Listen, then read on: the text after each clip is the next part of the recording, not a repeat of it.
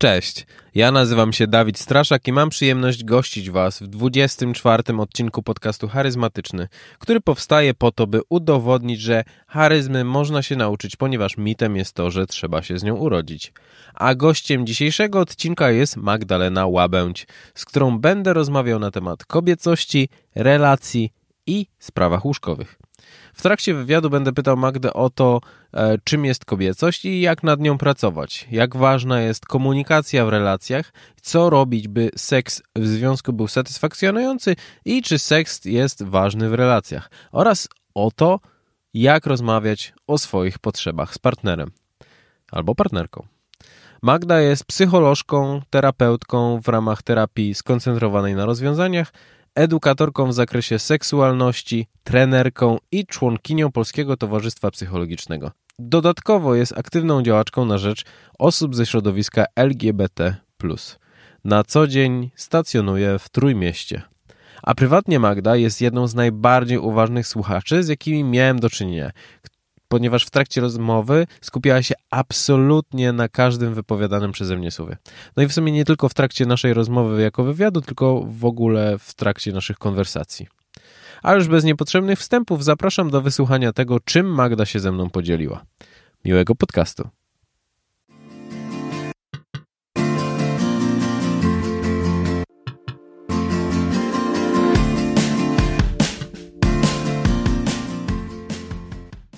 Dzień dobry, witam serdecznie w podcaście charyzmatycznym. Cześć. No. Wiesz co, zaprosiłem Cię tutaj, żeby z Tobą porozmawiać na temat kobiecości. I no, chciałbym właśnie zacząć od tego, żeby spróbować zdefiniować, czym ta kobiecość jest. Więc czym dla Ciebie jest kobiecość? Mm, dla mnie moja, czy dla mnie kobiecość w ogóle? Kobiecość w ogóle, ale w sumie to też możesz powiedzieć o swojej, jeżeli chcesz. Mhm. Bo wiesz co? To jest w ogóle w moim poczuciu mega trudne pytanie na początek. Mhm. Bo kwestia kobiecości, znaczy, bo, bo, kobiecość to jest taka kwestia tożsamościowa, mhm.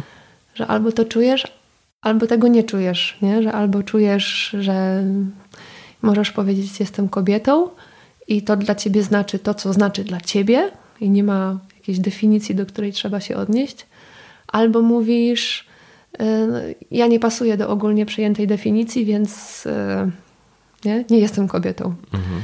Y, no, chodzi mi o to, że to jest kwestia takiego wewnętrznego poczucia, takiego głębokiego poczucia swojej płci, swojej roli płciowej, ciała, sposób ekspresji i ile ludzi e, jest na świecie, tyle myślę sposobów może być na, na tą kobiecość. Nie? Mhm.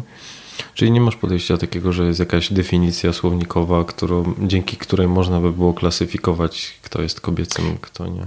Jestem przekonana, że taka istnieje, natomiast ona mi nie jest e, szczególnie bliska, tak mhm. ani zawodowo, ani osobiście też tak, tak szczególnie.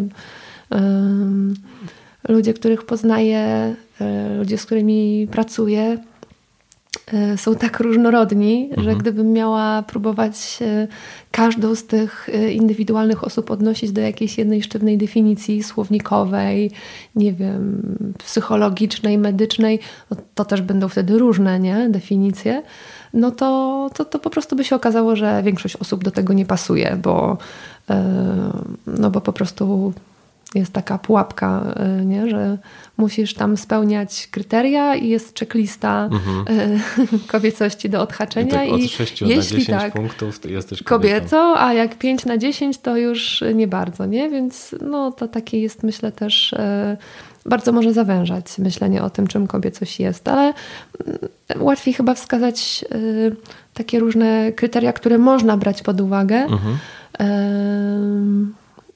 a ostatecznie to, jak dla mnie, to decyduje to właśnie takie wewnętrzne poczucie. I co to są za kryteria, które można brać pod uwagę? Wiesz co, trochę jest z tym kłopot w języku polskim, bo nie mamy takiego rozróżnienia w języku polskim. Wszystko jest płeć, czy mówimy o tej mhm. płci biologicznej. E, to jest w języku angielskim seks, mhm. czy mówimy o tym społecznym aspekcie płci, czyli gender z tym owianym mrokiem u nas w Polsce, mhm. więc y, w języku polskim to wszystko jest, jest jedno, płeć.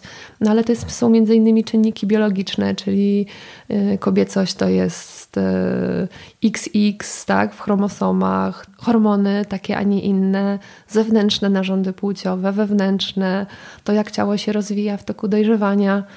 Mm, kilka takich czynników, nie? które gdzieś o tym decydują. Mhm. Potem to są te psychologiczne. Fizyczne na, na, samym początku do, do takiej klasyfikacji można by to. Do klasyfikacji medycznej tylko i wyłącznie, mhm. nie? No bo to, to nie, niekoniecznie musi być w zgodzie z tym, właśnie z kim osoba się identyfikuje, czy, czy jak się czuje. Potem są też takie elementy kulturowe, które też nam mówią, co to jest kobiecość, nie? jak mhm. kobieta powinna wyglądać, jakie jej przystoją zachowania, jakie zadania. E, i nie wiem, kolor różowy na przykład przynależny kobietom, co znowu nie oznacza, że jeśli któregoś z tych kryteriów nie spełniam, no to już kobietą nie jestem, nie? bo mhm. się nie noszę na różowo i nie mam długich włosów i nie chodzę w wysokich butach. To nie musi wcale e, kasować e, mojej kobiecości. Mm, więc znowu nam wchodzi ten aspekt, że mm, no, jest to kwestia wewnętrznego poczucia i tego, jak ja rozumiem swoją kobiecość i jak ja chcę ją pokazywać na mhm. zewnątrz. Ta ekspresja to jest to, jak wyglądam, to jak mówię, e, jaką mam fryzurę, jakie cechy ciała podkreślam. Mm, no i pewnie niektóre osoby są, tak w cudzysłowie, stereotypowo kobiece, że zewnętrzny obserwator nie ma wątpliwości, że to jest osoba, która pasuje do jakiegoś kanonu, e, nie, na przykład w danej kulturze, a niektóre osoby nie są tak jednoznaczne. No, ale mimo to mogą powiedzieć, no tak, jestem, jestem kobietą, jestem kobieca. Mhm. Bardzo fajnie, że powiedziałeś, że wiesz, ciężko, ciężko tutaj zamykać kogoś w ramach, bo w momencie, kiedy ja zastanawiałem się, jak określiłbym kogoś jako kobietę, jako kobiecą, to miałem dosyć duży problem, bo ilekroć odnosiłem się do przykładów kobiet, które, które spotykałem i dotarło do mnie, że spektrum tych cech, tych y, jakby tego, co one sobą prezentowały, było tak różne, mhm. że ciężko mi było dojść do jakby jednego wspólnego czynnika albo, czego, albo grupy czynników, które, no, które by tak naprawdę wszystkie, o, które by pomagałoby mi je złapać w, w jedną grupę. Tak. Tak, tak. W ogóle możliwości kombinacji w obrębie tych wszystkich elementów jest tyle, że y, no, trzeba by było do potęgi entej podnosić, nie? zebrać wszystkie elementy, y, które są w naszej biologii, wszystkie, które w naszej psychice, potem właśnie te takie normy kulturowe i dotyczące wyglądu, zachowania i pomnożyć to przez jeszcze raz tyle. Mhm.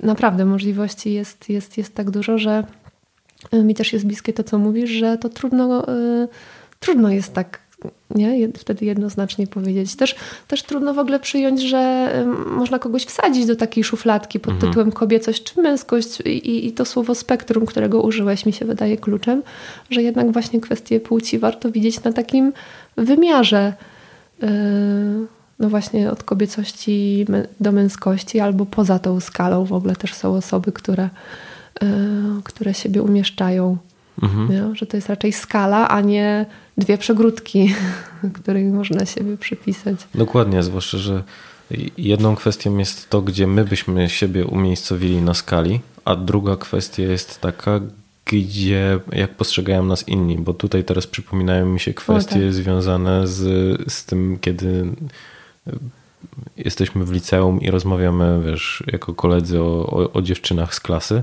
jeden jest w stanie powiedzieć, że ta jest super kobieca, a drugi zaraz mówi, jak to? W ogóle Kasia? W życiu w ogóle się nie zgadzam z tak, tym. Tak. Więc jakby mm, punkt widzenia osoby, że tak powiem, oceniającej, to też jest zupełnie, zupełnie inna kwestia do, do, do, do dalszej dyskusji. Mhm.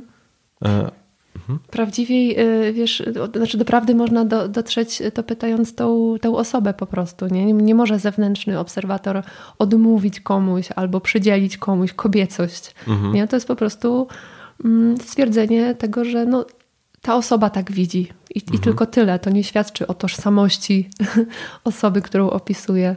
Jak mnie zapytałeś y, na, na początku, co to jest dla mnie kobiecość, no to co do swojej nie mam wątpliwości, ale jestem też przekonana, że gdyby zapytać kilka dowolnie wybranych osób, to, yy, no, no, to mogliby to mnie postrzegać inaczej, wskazując na różne elementy, które do ich akurat sposobu myślenia o kobiecości nie pasują. Nie? Bo być może cechują mnie takie rzeczy, które te, te osoby uznają za wyjątkowo niekobiece. Mhm. I co wtedy mam powiedzieć o mojej kobiecości, że coś z nią jest nie tak? No nie. Wygrywa i ostatecznie decyduje to wewnętrzne poczucie. A czy zdarza się tak, że przychodzą do ciebie kobiety, które, e, które chciałyby pracować nad, nad swoją kobiecością? Albo nie tylko kobiety? Tak, tak, tak. I jak wygląda taki proces? No, czy domyślam się, że, że jest uzależniona od osoby, ale czy, czy są jakieś elementy, o których mogłabyś opowiedzieć? Mhm. Wiesz co? Chyba bym przede wszystkim podzieliła y, to na takie dwie kategorie. E, jedna to jest, e, to są te sytuacje, w których o kobiecości rozmawiam e, z osobami, które no, identyfikują się tak, że osoba mówi, jestem kobietą, jestem, nie wiem, mamą, czyjąś mhm. żoną, dziewczyną. E, i, i chcę tę swoją kobiecość pielęgnować, e, bo chcę o siebie zadbać. Ważna jest dla mnie, nie wiem, seksualność, coś się dzieje z moim wyglądem, ale też cenię sobie e, w sobie pewne cechy, które, które chcę, żeby no, jakoś miały więcej miejsca w moim życiu, i wtedy te osoby, no to jest taka praca, mm, no, taki samorozwój. Mhm. Nie? A czasami są to osoby, które, e, osoby transpłciowe na przykład, które mówią, to co mi e, przypisano przy narodzeniu nie pasuje do tego, kim ja się czuję. I przychodzi do mnie taka trans dziewczyna czy trans kobieta, która stara się odnaleźć w tej roli, też odnaleźć w społeczeństwie, żeby funkcjonować jako kobieta swojej płci, z którą się utożsamia, pomimo tego, e, no nie wiem, że ma pewne ograniczenia z racji wiem, formalności, nie? W dokumentach stare imię nadane przy narodzeniu, wygląd na przykład stereotypowo męski. Mhm. No i to jest, to jest trochę inna praca, bo też y, kontekst funkcjonowania tej osoby jest nie bez znaczenia. Właśnie to, jak otoczenie rozumie kobiecość, nie? Czym, ono, czy, czym ta kobiecość jest, bo takim osobom często się odbiera prawo do, do kobiecości. Mm. No, więc to jest na takich dwóch, w takich dwóch kategoriach bym to umieściła. Super, no to to moim zdaniem to jest i, i, idealna baza do da, dalszej dyskusji. E, no, ale nie powiem, że, że ciekawość pcha mnie do tego, żeby zacząć od, od tej, tej, tej drugiej kategorii, o której, o której mm. wspomniałaś. Bo wydaje mi się, że tutaj sprawa jest o wiele bardziej skomplikowana y, z naszej perspektywy, więc w jaki sposób jak wygląda właśnie droga pracy z taką, z taką osobą przy nie wiem, konstytuowaniu swojej identyfikacji z płcią, czy, czy, czy z tym, jak chciałyby siebie postrzegać jako kobietę? Mhm. Wiesz co, wydaje mi się, że na początku takie zadanie, które taka osoba ma przed sobą, mhm. z którym zresztą bardzo często przychodzi w formie pytania, y, pytanie, kim ja jestem. Czyli odkrywa, osoba, że to w jakiś sposób ją wychowywano, to czego ją uczono, bo oczywiście każdy z nas, no większość z nas zdecydowana jest uczona bycia chłopcem lub dziewczynką. Mhm. I taka osoba w momencie, w którym odkrywa, że to, co mnie uczono, nie pasuje do tego, kim ja jestem bo pomimo długiego procesu socjalizacji do roli chłopca, prezentowania mi samochodzików na urodziny, ubierania mnie na niebiesko, zabierania, nie wiem, na place zabaw, na których są czołgi, samochody i różne tego typu tak zwane męskie czy chłopięce zabawy, no to ja w pewnym momencie odkrywam, że nie pasuje do tego świata. Mhm. A skoro nie pasuje do tego świata, to kim jestem? No i czasami odpowiedź brzmi: Jestem dziewczyną, jestem kobietą bo bardziej się identyfikuje z tym, co jest przynależne e, do świata kobiet. Mhm. E, z takim, a nie innym sposobem bycia, e, ubioru, z rolami płciowymi, sposobem wyrazu, nie? Więc jakby osoba niejako przez taki kontrast w stosunku do tego, jak co jej pokazywano w toku życia, dowiaduje się, no tak, no to skoro nie jestem w tej kategorii chłopcy, no to, to kim jestem? I czasami odpowiada, no to jestem dziewczyną, a czasami odpowiada, mm, po prostu czasami dochodzi do wniosku, że te sztywne kategorie i to, że właśnie chłopcy na niebiesko, a dziewczynki na różowo zupełnie nie pasuje, że to jest ograniczające, odbiera swobodę i tak naprawdę właśnie wtłacza nas w jakieś ramy, które no, nie, niekoniecznie są wygodne, nie? No bo y, też myślę, że każdy z nas zna jakąś dziewczynę, która się uwielbia bawić w wojnę, albo chłopców, którzy się bawią, nie wiem, w sklep, albo bawią się mhm. domkiem, nie? Dla laleki. To nie zawsze oczywiście się rozwija w tę stronę, że osoba podważa y, jakby swoją, swoją płeć i poszukujesz swojej tożsamości, ale, ale jest takim dobrym punktem wyjścia do tego, żeby się zastanowić, y, co my proponujemy dzieciom, mhm. jaki, jaki świat, nie? jakie schematy. Więc to jest e, początek pracy, żeby odpowiedzieć na to pytanie, kim jestem i też kim jestem w odniesieniu do, do tego, co mi proponuje świat. Mhm. E, teraz trochę łatwiej jest odpowiadać na to pytanie, bo no jednak nasza wiedza na temat psychiki, wpływu, wychowania, kultury, też tak szerzej patrząc, jest większa, więc no, takiej pracy terapeutycznej można o sobie zaproponować poobserwuj, nie? Poobserwuj, czy to na pewno tak jest, że świat jest tylko niebieski albo różowy. Mhm. Nie? Czy nie jest przypadkiem tak, że są dookoła ciebie ludzie, którzy się wyłamują z tych schematów? Czy to przypadkiem nie jest też tak, że ty nie masz w sobie takiej zgody na, na ten sztywny taki podział, te takie sztywne role, sztywne zadania? Może w takim miejscu byłoby ci lepiej, gdybyś po prostu był, była sobą, niekoniecznie wpisując się w, w, te, w te sztywne ramy, więc Potem osoba poszukuje dla siebie dobrego miejsca, sposobu wyrazu, ludzi, którzy e, mają otwarte głowy i e, właśnie nie szufladkują.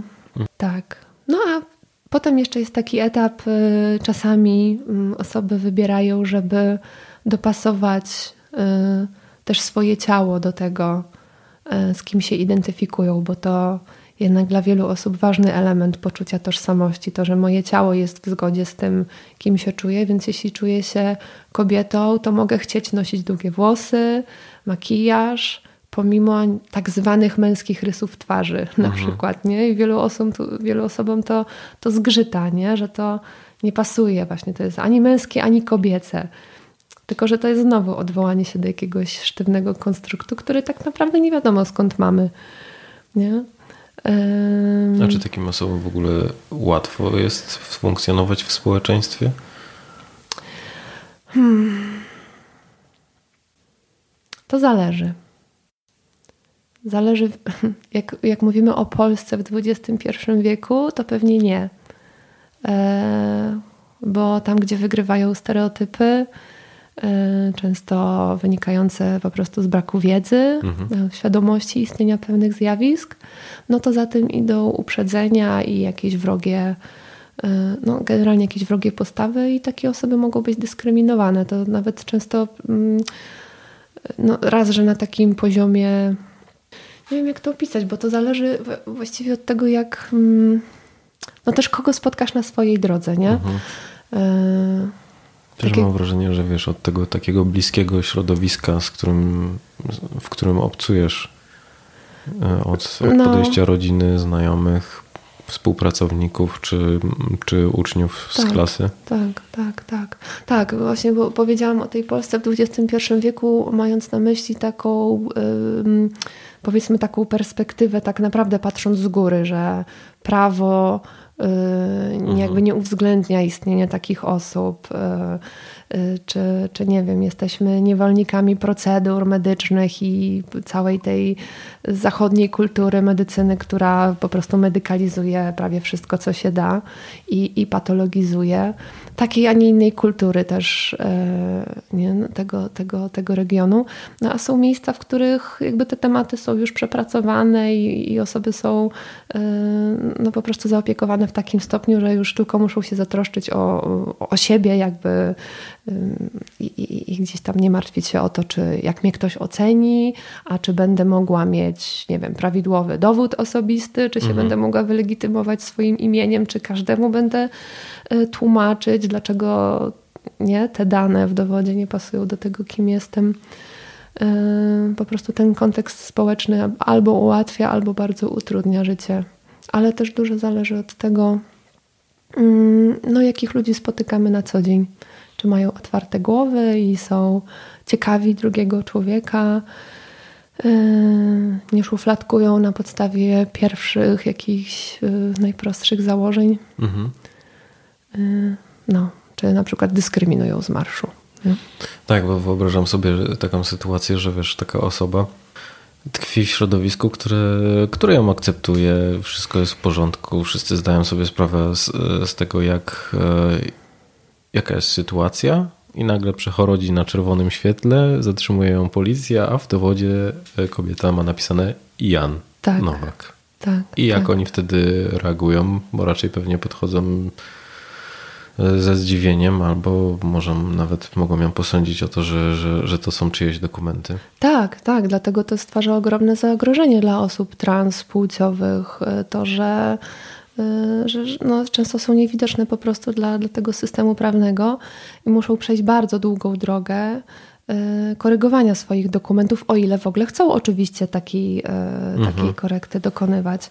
Jeśli już chcą, no to to jest droga przez mękę w tym momencie. Nie ma żadnej propozycji e, dla osób trans do tego, żeby mogły swoją płeć uzgodnić e, właśnie w takim e, prawnym aspekcie, tylko wykorzystywane są takie kruczki prawne.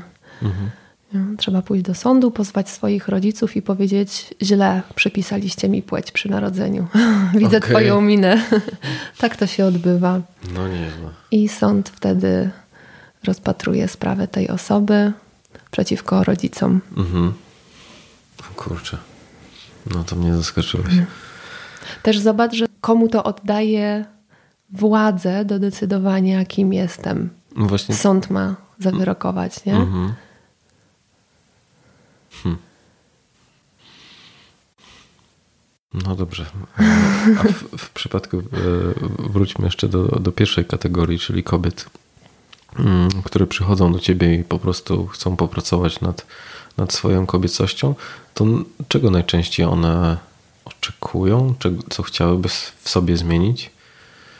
Hmm. Powiedziałabym tak, że chcą się czuć dobrze ze sobą, mhm. być w zgodzie ze sobą.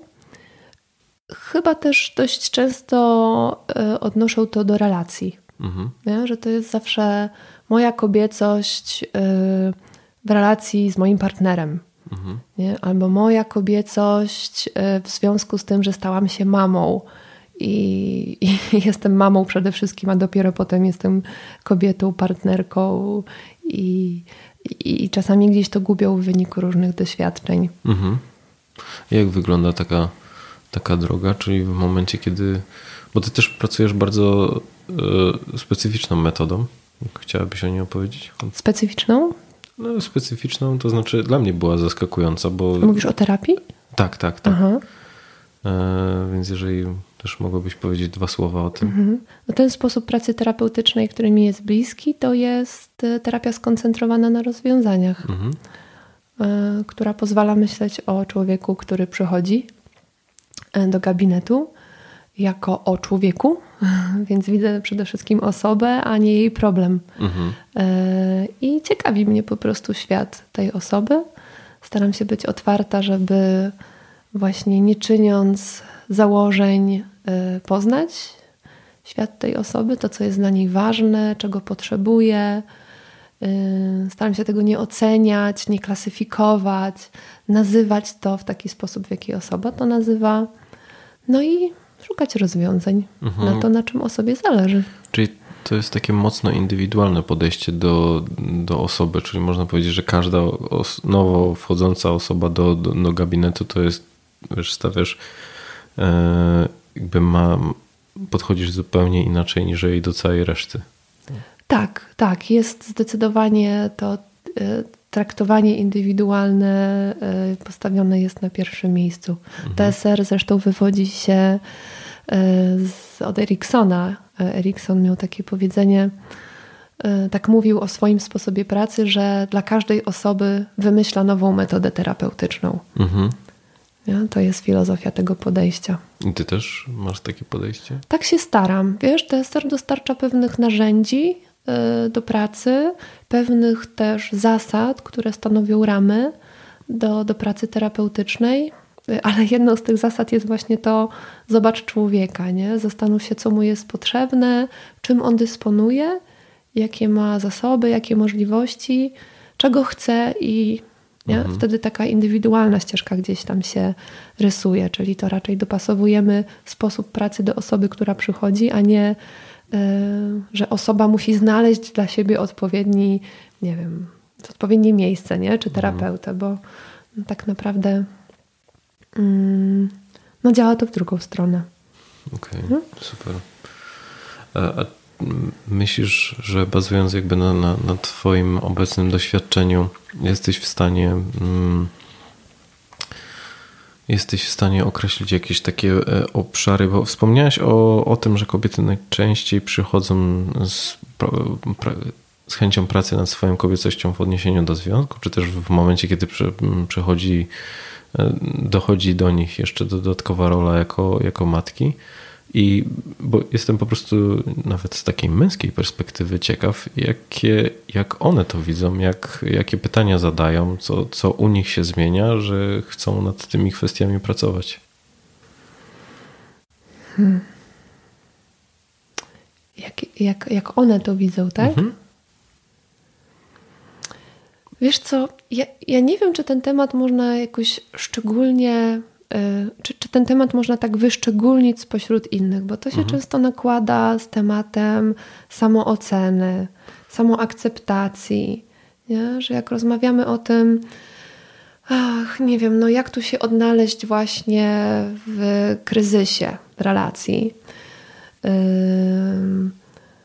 Często się okazuje, że osobie jest trudno ten kryzys czy parze jest trudno ten kryzys potraktować w sposób rozwojowy, bo po prostu nie najlepiej o sobie myślą. Mhm. Nie? Czyli zadziewa się coś, e, coś, coś w związku i ona myśli sobie, no tak, dałam ciała, nie sprawdziłam się, ktoś inny jest lepszy, on wybiera inną, bo ze mną coś jest nie tak, no to zaczynamy wchodzić na takie pole właśnie e, samooceny, no i, i, zawsze tam jest kwestia też tożsamości, nie? Mhm. Jak, jak ty widzisz swoją kobiecość?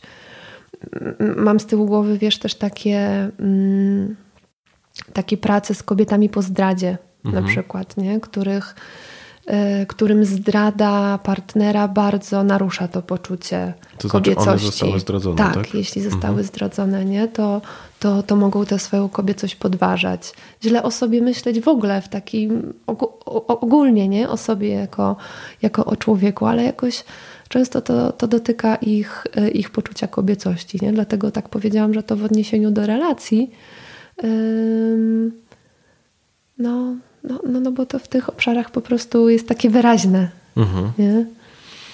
No tak, i z drugiej strony no ciężko mi sobie wyobrazić taką sytuację, że ktoś przychodzi, znaczy, o może właśnie, to jest też ciekawe pytanie, czy, czy zdarza ci się tak, że ktoś przychodzi i mówi, że u mnie jest wszystko w porządku, ale chciałbym popracować na, nad kobiecością, właśnie jakby w odniesieniu do tego, co, co powiedziałeś przed chwilą.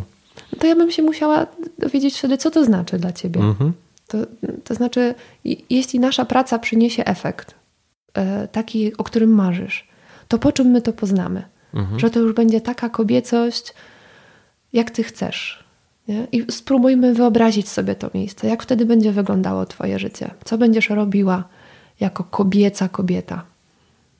Nie? Jak będziesz na skali kobiecości 10 na 10? Mhm. Co będziesz myślała o sobie? Jak się będziesz czuła? A inni po czym to poznają i po czym oni to zobaczą, że ty jesteś kobieta. Mhm, super. Nie? Czy coś się zmieni w Twoim życiu, bo będziesz robiła coś innego? Czy się zmieni coś w sferze myśli, Twoich uczuć, e, postrzegania Ciebie przez innych? Więc najpierw się muszę dowiedzieć, co to dla tej osoby znaczy kobiecość, bo tak, tak na dzień dobry to każdy z nas pewnie ma w głowie jakiś skrypt, że aha, miałabym nauczyć ją, nie wiem, chodzenia na szpilkach. Mhm. Nie? Tak, Ubierania wiesz, różowego. Tak, tak, nie? I bycia delikatną i wrażliwą. Jakby okej okay, też, no bo to, to są jakieś właśnie społecznie przyjęte zasady, ale no nie każdy się w te zasady, w te, w te ramy chce, chce wpisać, więc raczej potrzeba się dowiedzieć, co to dla ciebie mhm. oznacza, co to by oznaczało, gdyby w tej kwestii było lepiej. No i wtedy zastanowić się, jak do tego dążyć. Mhm. A jesteś w stanie odpowiedzieć na pytanie, czego mężczyźni szukają w kobietach? Nie. no, spytaj mężczyzn. Okej, okay, a odwracając to pytanie, czego... Ale nie, wiesz co, no. mo, bo można o tym pogadać, ale trochę tak przewrotnie. Bo e... wiesz co, sobie pomyślałem, no. że w momencie, kiedy ty ustawiasz, przychodzi, wracamy do przykładu tej kobiety, która chce być kobieca na 10 na 10, e, no to myślę, że czasami to też może być swego rodzaju odzwierciedleniem tego, czego szukają mężczyźni w kobietach. Co prawda z jej punktu widzenia. Tak, bo to jest, no to jest ważne, żeby to uwzględnić, bo jesteśmy y, istotami stadnymi i mhm. generalnie lubimy być z ludźmi. Często chcemy się wiązać y, i być w jakichś bliższych relacjach, więc siłą rzeczy ta druga osoba, partner czy partnerka jest jakimś punktem odniesienia. Y, jednym z wielu elementów, nie? To tak bym tylko powiedziała, że jeśli osoba mówi no ja tu przyszłam, bo mój facet chciałby, żebym ja była bardziej kobieca, no to mhm. na tym się musimy zatrzymać i zastanowić, co tobie to da i jak ty się masz z jego pomysłami na twoją kobiecość, na ile one są zgodne, a na ile ci to nie pasuje. Mhm. No bo y, oczekiwania oczekiwaniami, ale um, no nie wiem, ja, ja, ja to lubię mówić w taki sposób, że oczekiwania są jak prośba. Czyli zawsze można odpowiedzieć tak lub nie. Spełniać te oczekiwania albo nie. I nie ma się co obrażać na odmowę, tylko yy, no, w relacji fajnie, żeby była taka zgoda, że mm, nie wszystkie moje oczekiwania zostaną spełnione. A ludzie mają często takie założenia, nie? że ktoś powinien być jakiś mhm. I, i, i, wymagają tego wręcz. No a to tak nie działa, że wystarczy od kogoś wymagać i, i, i to można dostać. Więc jeśli są jakieś rzeczy, których ludzie, ludzie od siebie nawzajem wymagają w związkach. Czytaj, yy, fa facet poszukuje w kobiecie tam czegoś, no to fajnie. A co ona takiego ma i czy ona ma w sobie coś takiego, czego on poszukuje, albo czy ma wolę, żeby to rozwijać w sobie? No bo jeśli tak, to okej, okay, możemy, możemy działać, a jeśli nie, no to co dalej? Co, co mamy to stworzyć? Mhm. nie? Czyli jeżeli dobrze rozumiem, to masz podejście, że jakby oczekiwać można tylko tego, co już w danej osobie jest i ona ma jakby zgodę na to, żeby nad tym pracować. No, albo chciałaby mhm. tak, to, to coś w sobie rozwijać. No. Okej, okay. dobra. No właśnie chciałem też zapytać, czego kobiety, czekaj, no teraz muszę się zastanowić. Pytaliśmy mm -hmm. o to, czego, czego mężczyźni szukają w kobietach, ale też odwrotnie, czyli czego kobiety szukają w mężczyznach? Odpowiedź jest taka sama. Wiesz co, ja, ja nie wiem, czy można to, czy można zrobić taką listę. Mhm. No znowu, jak, jakbym miała tak skrótowo polecieć z wiesz, rzeczy, które mam tak gdzieś tam głęboko zakorzenione z mojego wychowania, no to, to jasne, że wiem, czego kobiety poszukują w mężczyznach, a czego mężczyźni w kobietach. Jasne, że to są w ogóle dwie różne rzeczy, bo mężczyźni są inni, kobiety są inne. Ale to jest tak yy, niesprawiedliwe uproszczenie, że można no naprawdę się wpakować w, w, w, jakąś pułapkę. Nie? Ludzie oczekują od siebie różnych rzeczy i one niekoniecznie są determinowane płcią. Um, mhm. no. Bardzo fajnie, że o tym mówisz, wiesz, bo ja też chciałbym mocno zaznaczyć, że, że to kategoryzowanie wiesz, stawianie tej, tej granicy, że coś jest męskie, coś jest kobiece, już możemy odnosić się do tego wspomnianego wielokrotnie przykładu niebieskiego i różowego, jest taki, że, mm, że to nie jest prawdą w takich relacjach codziennych, że w momencie, kiedy my mm, stawiamy te kategorie, to sami sobie zabieramy prawo na to, żeby te, żeby, nie wiem, na przykład mężczyzna przejawiał kobiece, kobiece no, cechy. Dokładnie które sprawią, że ta kobieta, która jest jego wybranką, właśnie to, to ją będzie przyciągało do niego. No ja bym dodała, że nie jest prawdą, nie zawsze jest prawdą, nie? Mhm. Jakby okej, okay, są ludzie, którzy się wpisują e, w ten e, schemat kobiecości, męskości, tak jak go rozumiemy e, stereotypowo, ale ten wykres ma taki kształt odwróconej literki U, gdzie większość ludzi mieści się w tym, w tym głównym przedziale, ale jest jeszcze masa ludzi na krańcach mhm. i to koniec końców no ja tak zawsze mówię, że przychodzi do mnie jeden pojedynczy człowiek i, i, to jego doświadczenie jest ważne. Więc jasne, możemy rozmawiać o tym, że mężczyźni oczekują od kobiet delikatności, opiekuńczości i w ogóle zaopiekowania w domu sfery y, nie wiem, estetycznej i emocjonalnej i żeby ona była ładna i miła, a kobiety oczekują, żeby on był y, zorganizowany, żeby umiał robić tam sprawy techniczne, żarówkę wymienić, kran i żeby był silny i męski. I zarabiał pieniądze. I żeby zarabiał pieniądze, ale w sumie teraz też jest takie przejście e, w tej kobiecości, męskości, że no też kobiety oczekują, żeby on też był delikatny i żeby też się umiał zaopiekować i żeby też mówił o emocjach.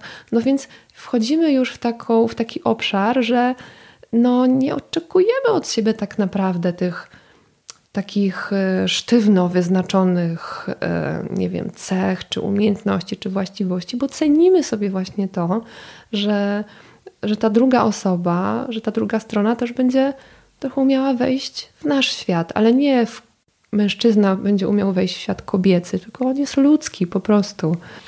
Chciałem też zapytać o kwestie związane z jakby różnicami w podejściu do, do seksu, ale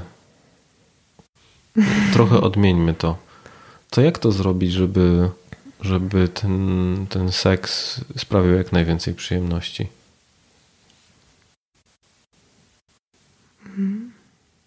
Bo trzeba by było uwzględniać i to, że się różnimy, mhm. ale też to, że w wielu, wielu aspektach jesteśmy do siebie podobni. I teraz chodzi o to, żeby nie skupiać się zbytnio na tych różnicach, bo wtedy wprowadzimy podziały, które nas od siebie gdzieś tam oddalają. E, no, doceniać też te podobieństwa. Nie? Więc jeśli. Bo to pytasz mnie o taką receptę na, na przyjemność, tak? Nie, nie to pytam jest... o przy... receptę na przyjemność, tylko z czym Wiesz, jakby często, może często nie, bo to raczej wstydliwy temat, ale parę razy usłyszałem, że ktoś stwierdzał, że w związku jest nie do końca dopasowany no. w łóżku. I y, zastanawiam się, jak. Czy są jakieś pytania, które ludzie mogliby sobie zadać, żeby pracować właśnie nad tym, żeby. Okay, to tak mi będzie łatwiej. No, mhm, mhm, żeby, mhm. no powiedzmy, że lepiej, lepiej się dopasować. Mhm. To wtedy dobrze jest uwzględnić różnice mhm. bo trzeba powiedzieć: OK, on ma inaczej, ona ma inaczej. Mhm. Mm, być może potrzebuje innych rzeczy, być może coś innego jest dla niego, dla niej ważne niż dla mnie. E, I otworzyć się na to, że jesteśmy różni i to jest ok, bo w ogóle ludzie są różnorodni i warto uwzględniać ich indywidualne potrzeby. Trochę się w nie wsłuchać, trochę starać się je zaobserwować e, samodzielnie, trochę o nie popytać, też dając taką przestrzeń do tego, że, żeby druga osoba się podzieliła, nie? Co, mhm. co, co jest dla niej e, potrzebne. Czyli jakby sama rozmowa o, o, o seksie. No w ogóle przede wszystkim rozmowa. Mhm. Nie? Przede wszystkim rozmowa, bo jak rzeczy są nazwane wprost, to jest nam o wiele łatwiej niż wtedy, kiedy zgadujemy i się domyślamy. Więc to by było idealnie, gdyby, wiesz, gdyby tak można było jasno ponazywać. Ciężkie samo w sobie, bo nawet nazewnictwo mm, w przypadku sfer intymnych nie jest ładne. O ile wiesz, słowo penis jest jeszcze takim hybrydą medyczno przyjętą gdzieś mm -hmm. w społeczeństwie, tak wiesz, kobiece narządy rozrodcze nie doczekały się, przynajmniej w moim zdaniu, e, jakiegoś określenia, które byłoby ładne, ale nie wulgarne. Mhm. No język na pewno tutaj wiesz, odgrywa ogromną rolę, bo jeśli mamy się komunikować w tak delikatnym temacie i tak wrażliwym, mhm. no to, to pewnie to warto mieć yy, no to adekwatne określenia, nie? Mhm. I nie, nie, właśnie nie wulgarne, żeby żeby tego, nie, tego obszaru nie ranić, ale też nie medyczne, żeby go znowu jakoś nie, no tak, nie patologizować. Wyobrażam sobie rozmowy, kiedy no, lubię, kiedy dotykasz mojego sromu. No przecież wiesz, to jakby zabiera w ogóle ochotę na jakąkolwiek dalszą dyskusję. Nie? A wiesz co, okazuje się, że jeśli osoby y, gdzieś tam wezmą pod lupę temat swojej seksualności i mhm. są otwarte na to, żeby żeby to trochę poeksplorować i, i, i, na przykład też popatrzeć, e, jak w innych kulturach e, e, traktowane są, traktowany jest temat seksualności, gdzie, gdzie ważny na przykład jest ten aspekt duchowy, mhm. który się tak, tak wiesz, w tym naszym zachodnim świecie mocno pomija, to się okazuje, że tam jest dużo inspiracji. Że są piękne właśnie słowa pozwalające nazwać części ciała i narządy płciowe i, i to, co się zadziewa w relacji i w seksie, i osoby jak to odkryją, to mogą uznać, o, wreszcie mam w swoim słowniku mhm. wyrazy, które dobrze oddają to, jak ja chcę o seksualności mówić. No bo jeśli faktycznie mamy rozmawiać e, penisami i sromami albo wulgaryzmami, no to, no to pewnie będzie trochę, trochę ciężko, bo to już jakoś nacechowuje nam tą, tą, tą rozmowę. Mm, ale wierzę w to, że jeśli tylko otworzyć się na, na, no, na takie inspiracje, to, to można znaleźć narzędzia do tego. Mhm. I też wiesz, w tym jest, e, bo ten drugi aspekt, o którym chciałam powiedzieć, to nie tylko docenianie różnic, ale też poszukiwanie podobieństw jednak. No bo znowu, jeśli wyjdziemy z tej e, szufladki mężczyźni na lewo, panie na prawo, no to, to znajdziemy po środku miejsce, w którym tak naprawdę się od siebie wiele nie różnimy. No i tu jest o wiele łatwiej zrozumieć drugiego człowieka, nie? Kiedy kiedy zauważa, że właściwie on ma te same potrzeby jak ja. Może lubi je w różny sposób zaspokajać, ale wiele nas łączy, nie? No z takiego, wiesz, wychodząc z założenia wiele nas łączy, o wiele łatwiej jest zbudować porozumienie i też porozumienie w seksie. Mhm. I przychodzą do ciebie też pary z, z takimi tak, problemami? Tak. Okej. Okay. A czy są jakieś takie ćwiczenia albo pytania, które, które, których można używać, żeby właśnie znaleźć to dopasowanie? Czy zależnie hmm. odnośnie tych różnic i, i bazując też na tych podobieństwach, które, które się znajdują? Wiesz co, to co ja bardzo często proponuję parom, kiedy mhm. przychodzą i mówią na dzień dobry, że to, co ich tutaj sprowadza, to jest temat seksu, to sprawdzam, czy to jest kwestia, którą my się możemy zająć już teraz, czy to przypadkiem nie jest tak, że najpierw by wypadało coś o komunikacji. Mhm. Bo oni często chcą o seksie, ale wcale o nim nie mówią w gabinecie, albo mówią nie wprost. I, no i wtedy nam brakuje podstawowego narzędzia tak naprawdę do pracy. Mhm. Bo jeśli tam jest podczas tej rozmowy mnóstwo wstydu, skrępowania, zażenowania, ale też takiego wypierania w ogóle seksualności, różnych, nie wiem, jakieś uogólnienia, właśnie czy wulgaryzmy, a oni chcą mieć satysfakcjonujące życie seksualne, przez co rozumieją bliskość, przyjemność, poczucie spełnienia, no to bliskość i poczucie spełnienia trochę nie idą w parze z mhm. właśnie y, na przykład wulgaryzmami, których używają, albo z infantylnym językiem, albo może w ogóle chodzi o to, y, że, że, oni w ogóle nie, nie umieją ze sobą rozmawiać. Znaczy nawet na takim podstawowym poziomie, nie? że nie mhm. komunikują sobie tego, jak im jest na co dzień, zupełnie poza tematem seksu, a chcieliby nie, tutaj mieć też, też, też fajnie. Więc jakby zmierzam do tego, żeby powiedzieć, że seks jest też takim mm, papierkiem lakmusowym nie? do tego, co Właśnie. się dzieje w relacji. I jeśli tam coś jeśli tam coś nie działa, no to warto jakby poszerzając swoją perspektywę zobaczyć, jak się ma w ogóle ten związek. Mhm. Czy przypadkiem ten seks nie jest wy, wypadkową jakichś działań, które są między dwojgiem ludzi? No wiesz, że ona mu nie mówi na przykład y, czego chce, czego potrzebuje. On nie komunikuje y, swoich uczuć, swoich fantazji, ale też jakby w, w, obszarze seksualności, ale też czasami jak zejdziemy jeszcze poziom niżej do takich rzeczy codziennych, jakich pytam, jak wygląda wasz dzień, jak wy spędzacie razem czas, to się mhm. okazuje, że no, może oni w ogóle ze sobą nie rozmawiają nawet co słychać w pracy, albo jaką kto przeczytał książkę, nie wymieniają kwestii światopoglądowych, mm, wiesz, nie znają, nie wiem, swojego świata po prostu, nie? Więc a to, to jest taka, tak, taki fundament, nie? No bo jeśli w relacji jest wszystko ok, no to to są lepsze podstawy do tego, żeby mieć fajny seks. Oczywiście, jeśli się go chce mieć akurat w tej relacji, nie? No to, mm, to warto się temu przyjrzeć. I jakby więc zdarza mi się proponować im, żeby zaczęli od tych kwestii podstawowych. No bo jeśli oni nie będą mieli czasu nawet popatrzeć na siebie, na tyle długo, żeby dojrzeć, jak druga osoba się czuje, czy na przykład nie jest zmęczona po pracy, albo czują coś nie martwi, tylko się wezmą od razu za seks, mhm. no to, to nie dziwię się, że on nie wyjdzie. Tak, zwłaszcza, że mam wrażenie, że jak rozmawiam z, ze znajomymi, to, że seks w dzisiejszych czasach stał się jakimś takim wyznacznikiem jakości związku, że jeżeli tego seksu nie ma, no to znaczy, że coś się nie dzieje i czas, że coś nie, nie dzieje się w porządku, ale nie na zasadzie takiej, ej, to jest sygnał, że między nami jako parą coś jest, coś jest nie w porządku, tylko że żeby być usatysfakcjonowanym w związku i żeby móc mówić, że jest dobrze, to trzeba dużo uprawiać seksu. I mam wrażenie, że to jest jakby celem w samym sobie, a nie jeżeli zwracanie uwagi na to wszystko, o czym ty mówisz. Czyli, że, że to jest papierek lakmusowy, ale pomalowanie na odpowiedni kolor tego papierka mazakiem nie sprawi, że, że pozostałe problemy mhm. się rozwiążą.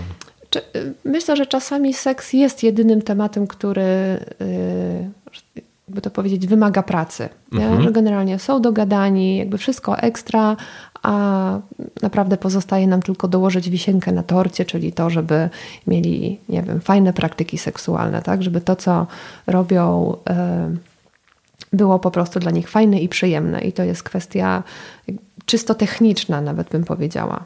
Mhm. I czasami się tak zdarza, że tak pary przychodzą i, i, i jakby no, wydaje się, że wszystko jest ok i, i tylko im potrzeba tego pchnąć tę pierwszą kostkę domina i, i, i już fajnie sobie potem radzą. Więc czasami tak jest. Nie? Czasami tak jest, że tylko, tylko seks, tylko o to chodzi. Mm.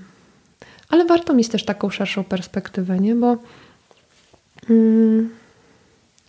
No, no bo tak, już bym się musiała powtarzać, żeby to jakoś zebrać. Mhm. Teraz zastanawiam się, czy wiesz, czy miałeś takie sytuacje, w których para do ciebie przychodziła z takimi problemami tylko i wyłącznie związane, jakby potrzebowali tej wisienki na torcie i potem przychodzili po kilku spotkaniach powiedzieć, no, droga pani, udało się. e, czy ja miałam takie pary? A bo wtedy już nie przychodzili. Nie, wiesz co? Ja zazwyczaj pracuję do takiego momentu, w którym osoba czy osoby uznają, że im wystarcza to, co dostali w gabinecie. Mhm. Jakby niekoniecznie musimy, muszę ich odprowadzać do tego miejsca, że już jest sukces i oni mówią, dobra, udało się i przyszliśmy podziękować, tylko mm, jeszcze się nie wydarzyło to, co oni chcą, ale już tak czują, że okej, okay, już, już wszystko wiem, już wiem co zrobić, no dobra, to już sobie poradzimy. Mhm. To najczęściej praca się kończy w tym miejscu. Ale czasami zdarza się tak, że, że dochodzimy do tego momentu sukcesu i e, no, jest takie wspólne świętowanie. Mhm. Powiedziałeś też, że, mm, że ten seks w związku może być taką wisienką na torcie, a zastanawiam się, jak ważny on jest w ogóle w relacjach. Czy można no, mega ważny. Mhm. I dlaczego? No, dlatego, że jest sposobem na zaspokojenie wielu istotnych potrzeb, takich indywidualnych i, i, i takich relacyjnych też. Mhm. Że to jest um, sposób na przyjemność, sposób na odpoczynek, sposób na rozluźnienie dla ciała, ale też sposób na bliskość, na okazywanie sobie miłości, ogromne pole do wykazywania zrozumienia.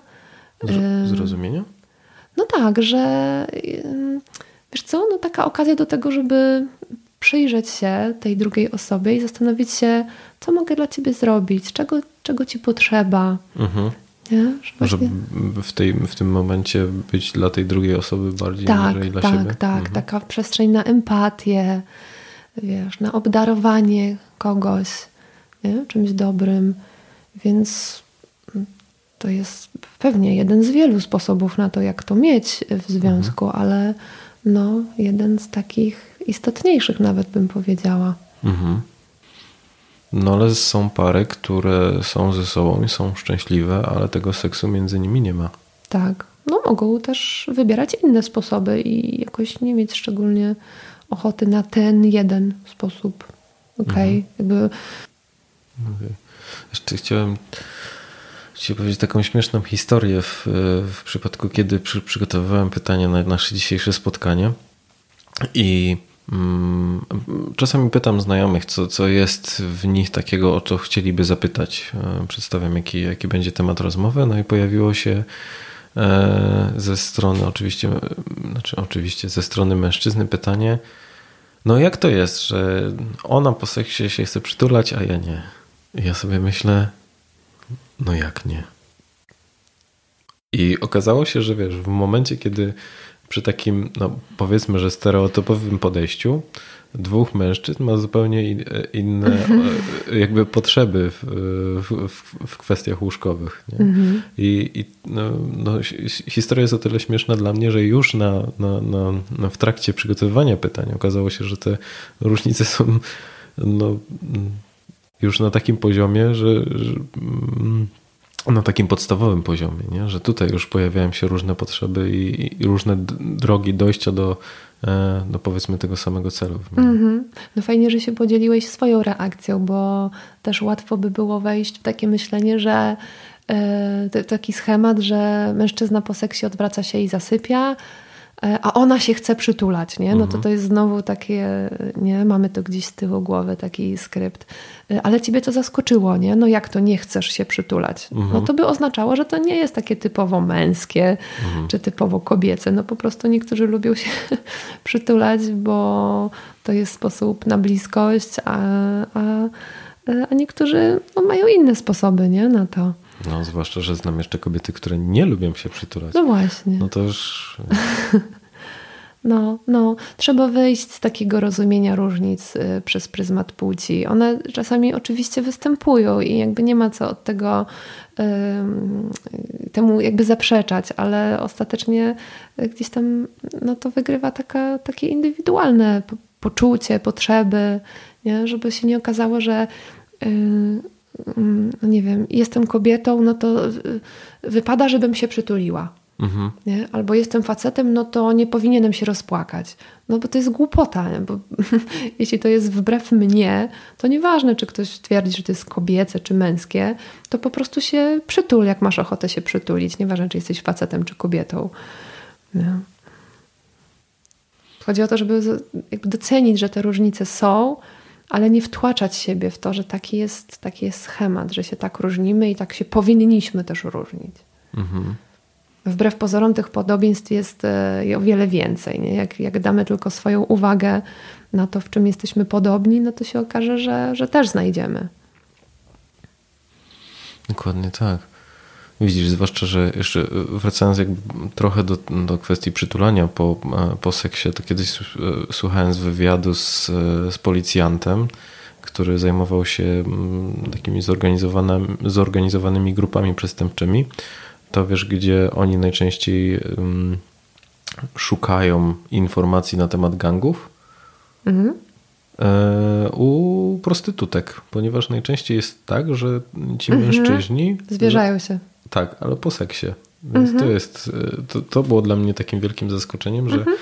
ci wielcy twardziele, którzy wiesz, no ich, ich codzienność jest tak odmienna od mm, takiej typowej rzeczywistości y, Jana Kowalskiego, że nie, nie przyszłoby mi do głowy, że oni w ogóle mają takie ludzkie odruchy, że właśnie w momencie, kiedy, wiesz... Potrzebują się odgadać. Potrzebują się odgadać kłopotów. i to są w takich chwilach, no, no też intymnych.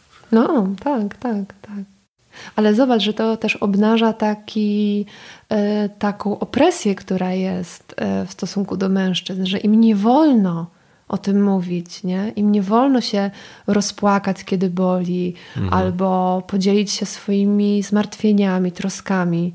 Nie? To trzeba po cichu gdzieś tam komuś, albo obróćmy to w żart z kolegami przy piwie, nie? że jeśli nie ma zgody na to, żeby osoba była sobą, to nie sprawia automatycznie, że jej znika ta potrzeba. Mhm. Osoba po prostu będzie to musiała jakoś, no może chcieć jakoś inaczej jednak to mm, wyrazić. Mhm. Nawet jeśli to jest e, no, takie opresjonowane. Zwłaszcza, że takie tłamszenie, kategoryzowanie i właśnie wymaganie się, od siebie tego, co nie jest w zgodzie ze mną, czyli właśnie nie możesz się rozpłakać, nie możesz powiedzieć, czego potrzebujesz, albo nie możesz się zachować niemęsko, czy tam nie kobieco, no jest y, mocno obciążające i myślę, że może prowadzić do takich sytuacji, w których no, my nie będziemy się czuli w, w zgodzie ze sobą. Mm -hmm, Tak, teraz jak o tym mówisz yy, i, też yy, przypominam sobie to pytanie twojego kolegi, jak to jest, że ona się chce przytulać, a ja nie chcę. Yy, to też przypominam sobie takie prace terapeutyczne właśnie z, z mężczyznami, którzy w, w, no właśnie w, w, toku poszukiwania y, różnych no, sposobów na rozwiązanie takich problemów łóżkowych znajdowali jakiś właśnie jakieś narzędzie, jakiś sposób i mówili ech, nie no, może jednak, mo, może coś innego. Mhm. Poczekaj, czemu coś innego? Co jest nie tak z tym sposobem? A, bo to wiesz, takie niemęskie. Nie? No jak niemęskie? Kto twierdzi, że to jest niemęskie? No, no przecież to jest niemęskie, żeby właśnie, y, nie wiem, wtulić się do kogoś, nie? Po mhm. seksie. Może, może gdyby zapytać twojego kolegę, dlaczego właściwie nie chcesz się przytulić, mhm. skoro ona chce, to może by powiedział, no jak? No bo faceci się przecież nie przytulają, bo to jest niemęskie i tam jeszcze wiesz, często osoby się wysypują po prostu z takich przekonań, które ma, mają gdzieś w sobie i w zupełnie nieświadomy sposób się nimi kierują. Mhm. Jeśli tylko sobie je uświadomią, uświadomią, to mogą też zacząć je y, no, poddawać takiej krytycznej refleksji i dojść na przykład do wniosku, że hmm, właściwie to by było całkiem fajne, to by było całkiem spoko y, zrobić to dla niej, ale też może dla siebie. Może mhm. to jest właśnie to coś, czego mi potrzeba w tym moim pędzącym, stresowanym y, życiu, y, zestresowanym życiu, żeby, żeby właśnie znaleźć taką chwilę wytchnienia. Bez względu na to, czy nie wiem, uczono mnie przez lata, że chłopcy nie płaczą, nie przytulają się i nie okazują uczuć. Mhm. No i to też ciekawy eksperyment dla samego siebie, żeby sprawdzić, jak ja się wtedy poczuję. Tak. Hmm. No dobra, to y, prosimy tego kolegę, żeby spróbował. No i, i zobaczymy. Tak. tak. Um. A wiesz co jeszcze? Jeszcze tak y, sobie pomyślałam, że mhm. y, bo ja bym też go zapytała. Mhm. Bo czekaj, jak było to pytanie? Dlaczego? Dlaczego ona, ona się... chce się przytulać, gdy ja się, chcę spać po seksie. Dobra. Więc ja bym się też zastanowiła, to, to pytanie brzmi, dlaczego ona się chce przytulać, mhm. czy dlaczego mi się chce spać po seksie, mhm. nie? Żeby rozbić... Nie, to, to było mhm. wyraźnie nakierowane na tą pierwszą część, tak? To, czyli dlaczego ona chce się przytulać, nie? No, to ją zapytaj. A, okej. Okay. Zapytaj ją. zapytaj ją. Powiedz jej, kochanie, mi się chce spać, a a, a ty masz ochotę się przytulać. O co chodzi? Mhm. No to się dowiesz wtedy, nie? Ej, popatrz, jakie to jest śmieszne, że to, to jest tak proste rozwiązanie. I widzisz, wracamy do tej komunikacji po raz któryś. No. Czyli wystarczy czasami zapytać, porozmawiać o, o, o swoich potrzebach. Tak, Można w ogóle nie, nie zostawiać tego w sferze domysłów, to raz. Mhm. I dwa, znowu nie spychać tego na kar próżnic, bo ona jest kobietą, a ja jestem mężczyzną, no bo wtedy pozostajemy w tym punkcie, w którym jesteśmy, nic się nie zmienia. To jest tak po prostu sztywne, że należy przyznać, że należy, należałoby wtedy założyć, że tak już będzie zawsze. No ona zawsze będzie kobietą, ja jestem facetem, więc już zawsze tak będzie. Mhm. No tak właśnie nie musi być. Kurczę, no wydaje się to tak niemożliwie proste, kiedy o tym mówisz, ale tak też y, budujące dla mnie, bo myślę sobie, że widzisz, no, czasami kilka pytań, kilka um, i pytań, i też stwierdzeń, które dotyczą mnie i moich potrzeb, mogą znacząco wpłynąć na, na jakość relacji. I to też nie mówię w ogóle, nie, nie chcę się ograniczać do kwestii związanych z seksualnością, ale mm. też tak naprawdę do, do pozostałych sfer życia. No bo czym się różni pytanie, dlaczego ty chcesz spać, albo a dlaczego nie nastawiłeś prania po raz kolejny. Mhm. Mhm. No, tak, tak. No, mi jest w ogóle bliskie takie myślenie, że gdzieś u podstaw naszych zachowań właśnie leżą potrzeby. Mhm. Każde pytanie, dlaczego coś zrobiłeś, dlaczego czegoś nie zrobiłaś, to jest pytanie, co takiego było dla ciebie ważne mhm. w tamtym momencie. Czytaj, jaką potrzebę starałeś, starałaś się wtedy zaspokoić, że zrobiłaś tak, a nie inaczej. Mhm. Że u podstaw naszych zachowań leżą potrzeby. I fajnie jest je sobie, fajnie jest być świadomym tego, jakie, jakie mam potrzeby, jakie wyznaję wartości, bo często tym się właśnie kierujemy, nawet w sposób taki nieświadomy. Um, ale jeśli tylko sobie to uświadomimy, no to możemy też yy, wybierać, nie? Tak, bo właśnie mam wrażenie, że czasami, jeżeli sobie nie uświadamiamy potrzeb, to, to też może dojść do takiej sytuacji, kiedy ktoś wtłacza nam swoje, albo przyjmujemy z, z kultury masowej. Tak? tak. Czyli no, jeżeli nie mam przekonania co do właśnie tego przytulania się, czyli pozostawiam, nie, nie wiem, czy chcę się przytulać po, czy nie, no to możliwe, że zacznę robić tak, jak mówią moi koledzy w pracy. No wtedy stosuję jakiś e, tryb domyślny. Mhm. Tryb domyślny może być mi jak najbardziej odpowiadający i akurat w zgodzie z tym, czego potrzebuję, ale może się też zdarzyć tak, że będzie nie w zgodzie i z jakich względów robi się potem na przykład niewygodnie w związku, niekomfortowo, bo się okazuje, że realizujemy jakiś domyślny tryb yy, i, i prowadzi yy, automatyczny pilot Y, gdzie tak naprawdę moglibyśmy, y, mogłybyśmy wybierać bardziej świadomie. Mhm. No, super narzędziem do, y, do pracy na, na potrzebach, też takim narzędziem, które fajnie się sprawdza w relacjach, w pracy nad relacją, to jest porozumienie bez przemocy, mhm. NVC. Ono właśnie daje taki no jest taką filozofią myślenia o relacji, ale też o człowieku właśnie przez pryzmat potrzeb, że każda emocja jest sygnałem zaspokojenia albo niezaspokojenia jakiejś ważnej potrzeby. Mhm. Więc tak też sobie można myśleć, że jeśli pojawia się jakiś zgrzyt związku, komuś jest przykro, komuś jest smutno, no to jest to sygnał, że jakaś ważna potrzeba leży niezaspokojona i może warto na nią zwrócić uwagę.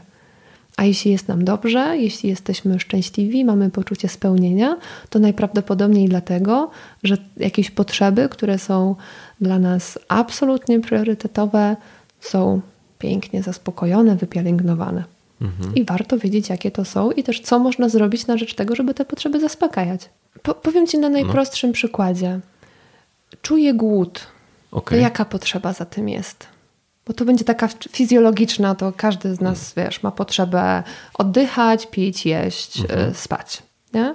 Po to muszę poczuć głód, żeby się dowiedzieć, że y, muszę tę potrzebę tak, jedzenia zaspokoić. Po to czuję się senna, żeby ta potrzeba snu została zaspokojona. Mhm. Jak czuję, że jest mi zimno, to trzeba, żebym się ogrzała. Nie? Jak jest mi smutno, to być może potrzebuję wsparcia jak jestem przestraszona, to dotyka to mojej potrzeby bezpieczeństwa.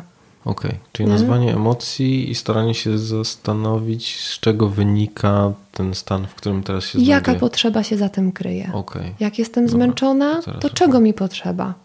Odpoczynku może? Mhm. Hmm? I potem, jakie znam sposoby na to, żeby mieć odpoczynek? Jak, jakie mam strategie, żeby tę potrzebę zaspokoić? Nie? To wszystko jest też w odniesieniu do sytuacji. Mhm jak jestem zdenerwowana, to wiele różnych sytuacji mogło to zdenerwowanie wywołać.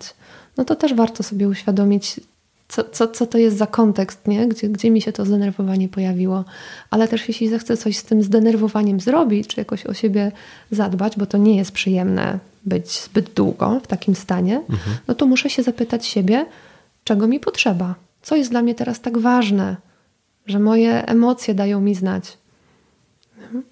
I w relacji to jest tak potrzebne, dlatego, że jeśli obserwuję tę drugą osobę, że jest jej, y, krótko mówiąc, źle, to też, y, korzystając ze swojej empatii, mam się zastanowić, czego jej potrzeba teraz. Nie? Że kiedy jest jej smutno, kiedy jest jej przykro, kiedy jest przygnębiona, kiedy jest zmartwiona.